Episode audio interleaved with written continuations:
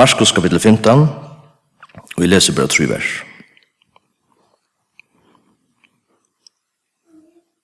Fra 8 til 8 til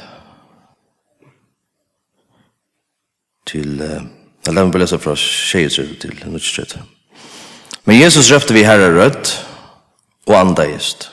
Vers 8 38. Ta skrattene i forhengen i tempelen og i tvei, fra i erva, lyga nyr i jøknen. Men ta i høvesmæren, med i sin italienske, romerske eh, hermaveren, soldateren, ta i høvsmaveren, og tja hun stå, beint ivra av honom sa, at han andeist og hentan hot, sier han, sanneliga ver hese maver, sånne gods.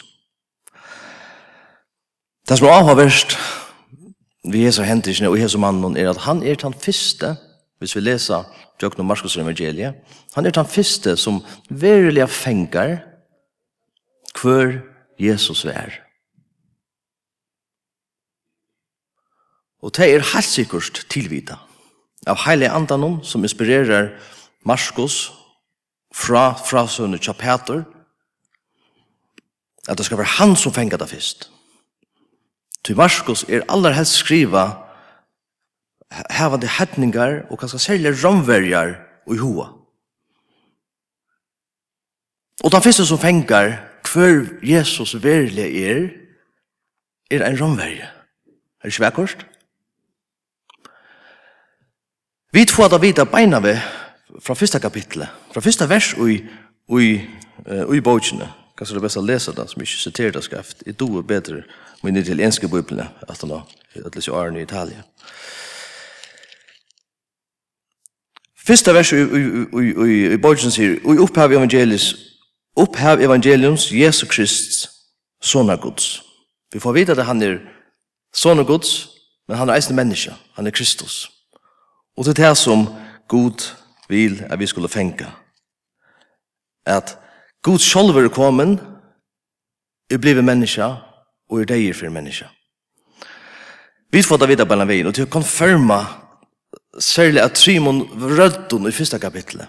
Ein av himle heter sonen min, Ein ur, ur, ur, ur man sier, ur gamla testamentet eh, til er, er, Johannes Døyberen som peikar av han, og så en, ein tar ur, vi skal si det så, ur helvete.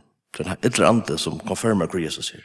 Så ur himmelen, ur gamla testamentet, ur myskronom, vita vid at hettar er son gods, men han er eisen Kristus, god menneske. Men så jøgnon, alt, jøgnon, eh, Marskos evangelie, så er det flere som lukkar som røyna forklarer henne, eller spyrja, eller spyrja spørsmål, hver er han? Og i øren kapitlet er det fjölden som spyr, hver er det som er over? Og i fjøren kapitlet er det, er det, er det lærersvennerne i stormen, men hver er det som er over? er Som klarer å stilla, stilla stormen og vinden. Og i kapittel 6 er det Herodos som spyr, hver er han? Og i kapittel 8 ta, hever Petra sort halsvær.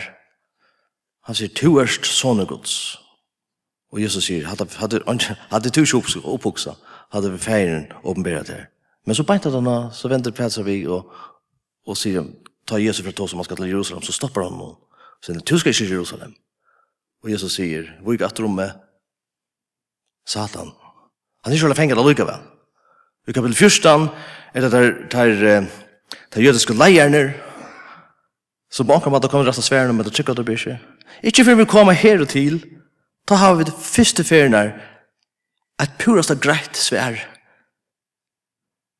Sannelig er hesen med vår menneske, soner gods, god.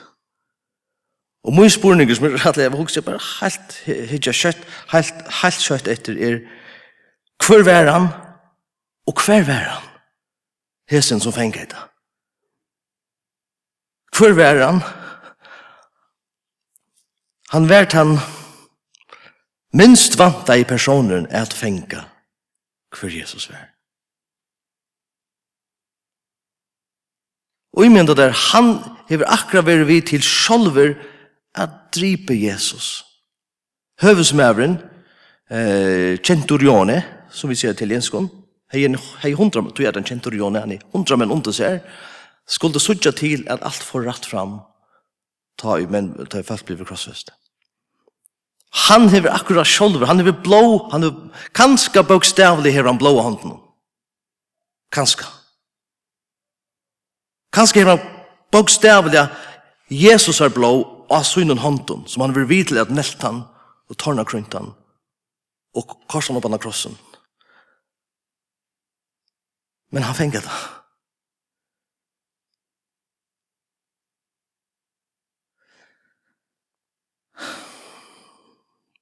Vi vita at skriftene lærer at det var okkara synder han bær.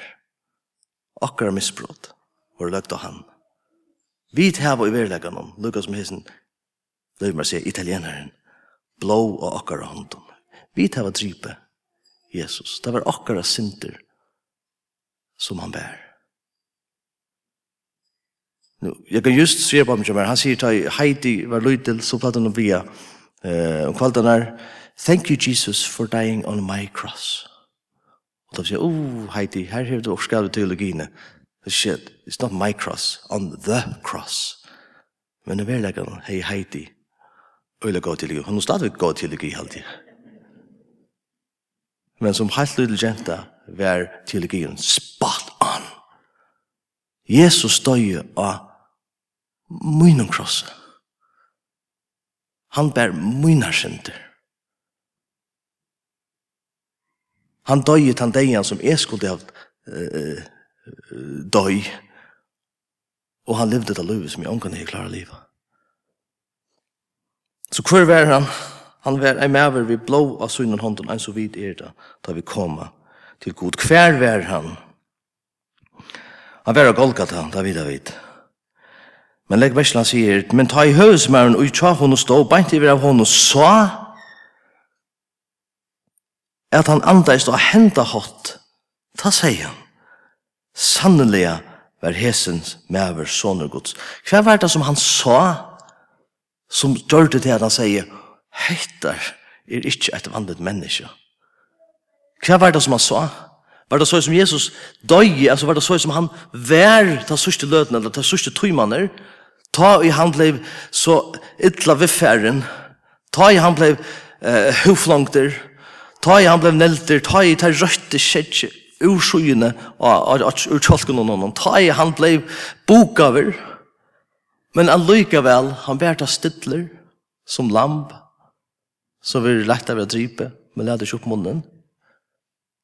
Og en ta bæfyrt dem, og feir fire kjevt dem, det er viktig hva de gjør. Var det det som han sa og, og sier, altså hvordan kan det være såleis og i hesen omstøven Hetta Hette er ikke menneskelig. Var det det som gjør det da? Etla var det det som kanskje hendte akkurat da han ta Jesus døye, at mysker leist i landet, og at det var gjerskjolte, og om han kanskje ikke sier det, men at forhenge skrattneie i tempelen hon fra erva og nye nekra. Var det det som gjør det da? Var det hettar at det var hitt, og mot sverre, ja. Kanskje bæge. Men det som vi så gjør at ta skrattene i forhengen i tempelen ut tvei fra erva og lykka nere i kjøkkenen. Hva mest det? Og åttan affær inn i alt det, og vi som har gidget hørt for sundagsskola og så repta og alt mulig annet, vi har hørt så søvnene om hvor hvor forhenge skrattene fra erve av nye nekra. Det var av gode. Det er forhenge som fysisk skulle hundra menn til å skrive det. Holdt trus her som en, holdt trus her som en, og så knack kanskje fick man skratta så tjukt var det. Men nå skrattna det. Fra erve av nye nekra. Hva merker det? Det merker at Hese skillnaden som er mellom akkon, syndare, akkon, öll, er, te, öll, öll mennesker, og en heilig en god, vær no tidsen vekk, Ut til stund, Jesus døyr. Til han er veveren. Men hver var det? Hver stod maveren, og hver var Jesus av Golgata? Hver Vi vet i templen så skulle du slapp ein høves, høvesprester inn ena for om året at sletta blå og heta altar eller hesa hesa hesa arskina heter hva heter først kom til ark of the covenant. Arskina som heter lodje som vi kallar nøye stoler, eina for om året sletta blåa fire følge bunde bein, nei, bunde, bunde, et, et, et, tå om, om beinet kjønt. Og hvis han døg var som inne her, så kunne han ikke være netter om, og han rot at det. Han ikke slapp inn. God her, heilaver, rattviser, og vi her, syndere, fullkomlig fortapt. Men nu skrattnar tempelet. Og ta merke til at vi nu kunne komme inn. Jeg har ikke alt hørt det, ja. Nå slipper vi inn til God. Men det som jeg hadde så vekkert, enn vekkere, så det er noe god kommet ut.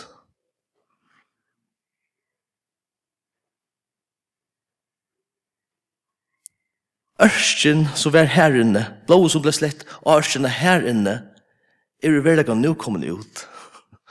Og hun viser seg av Golgata. Nå, hvis vi da var i eh uh, Filippinon i Manila så för det så jag eller kunde det visst vilja för ut i Manila här är ett fjäll som vi kallar det Smoky Mountain. Smoky Mountain är ett fjäll som är av rusk. Det är så störst som ett fjäll men till rusk. Och här liva hundratals av familjen, liva bara av rusken som det samlar här. Revolution. Revolution. Men jeg får huske om Golgata. Golgata er en et ruskfjall. Golgata er en smoky mountain som er fullt av okkara syndom. Okkara hjärsta er en smoky mountain fullt av syndom. Men Jesus, eller god løyver okkar ikke bare nå inn til hans herra, inn til hans herra nærvære og nature og det som han er, men han er kommet ut sjolver og han viser seg av okkara smoky mountain. Mountain Han kommer ut til og møter okkon her som vi er. Han vantar ikkje at hesen hermauren fyrst for heim byrja skikka seg pent, byrja genga møte, veri døpter, melda seg inn i en bibeltuma og førka seg gjøre bibelskola, og så kan han komme atter, og så er han god til Han møter hon akkurat her. Sannelig er hesen maver sånne gods. God er kommet ut. Jesus døyr her, og altare, dette kosmiska altare, som bøter for allar synder, over allar tøyer, og for all falkaslø, er kommet ut og møter oss her som vi er. Spurningen er hvordan vi kommer til han. Hvor er han for meg? Hvor er han for til? Hvordan kom jeg til ham? I morgen. Det som jeg er langt tryggvande. Ja, allukkavel. God møter okkon her som vi dere. Men hva er han for okkon? Nu det har sig det C.S. Lewis som säger att att vi kunde bara att vi tar som Jesus så har vi bara trutja mödrar. Äntligen var han sväker till en helt han var god men värde inte. Att han var liknar det han säger han var god men värde inte. Alla, vær han god. Vær det som han sier. Hvordan trykker vi han er? Er han det som han sier? Og han som heter John Stott legger det til at han sier, det er bare trutje mat vi kunne komme til god. Alla, fyrir halv dere til Kristus. Entlig er vi bengi fyrir noen, og vi renner undan, til vi vet hvis vi møter honom, så fyrir han a brøyta alt. Han får komme inn i alt i akkurat livet. Han får brøyta alt. Og han får røre vi alt. Han får ikke løyve åkken av livet og dobbelt løyve. Han får ikke løyve åkken av komme og møte venner og fytte en maske, og så veit han at heima og til ærestene er ved andre personer. Han får ikke løyve åkken av gjøre til. Så etter renner vi undan noen til vi røyner, etter hele vi den, og vi steiner han, etter den han sier møvleggen, og til det som vi håper vi kommer oss i morgen ötla, fettla vid, til gjerrar, for føtter hans. Og jotta hver han er. Lukas med okkara italienske viner her. Men ta i høvesmævren, vi tja hon stå beint iver av hon og sa at han anda etter henda hatt, sier han. Sannelig, var hesen mævren. Sånne gods. Amen. Fær i tæsta fyrir enda morgon, i tæsta fyrir at vi kunne komme komme til disse minnene, at vi kunne komme til han i morgon, av nudjum. Og vi byr veldig om at ja, vi kommer som vi dere, og her som vi dere. Men vi byr om at jeg skal heva en tøytning fyrir okkom at det ikke bare er en tradisjon eller akkur som vi eier gjerra som det. Vi byr om at det skal være livande for okkon, nu tar vi tega minnen, og vi skulle minnast. Minnast, minnast, og verilig kjenne en nødgjum, det som Herre Jesus gjør det for okkon og krossen. Vi byr om at det skal brøyte okkon innanifra. Jeg byr om at jeg skal heva noe avvarskan av oss, ikke bare i morgen, men alltid. Vi tar ikke det fire, det er å fætelige store offre, som han var villig at gjalda for okken, og krossen. Gjør det livande for oss i morgen, som vi kommer til minnene. I Jesu navn, Amen.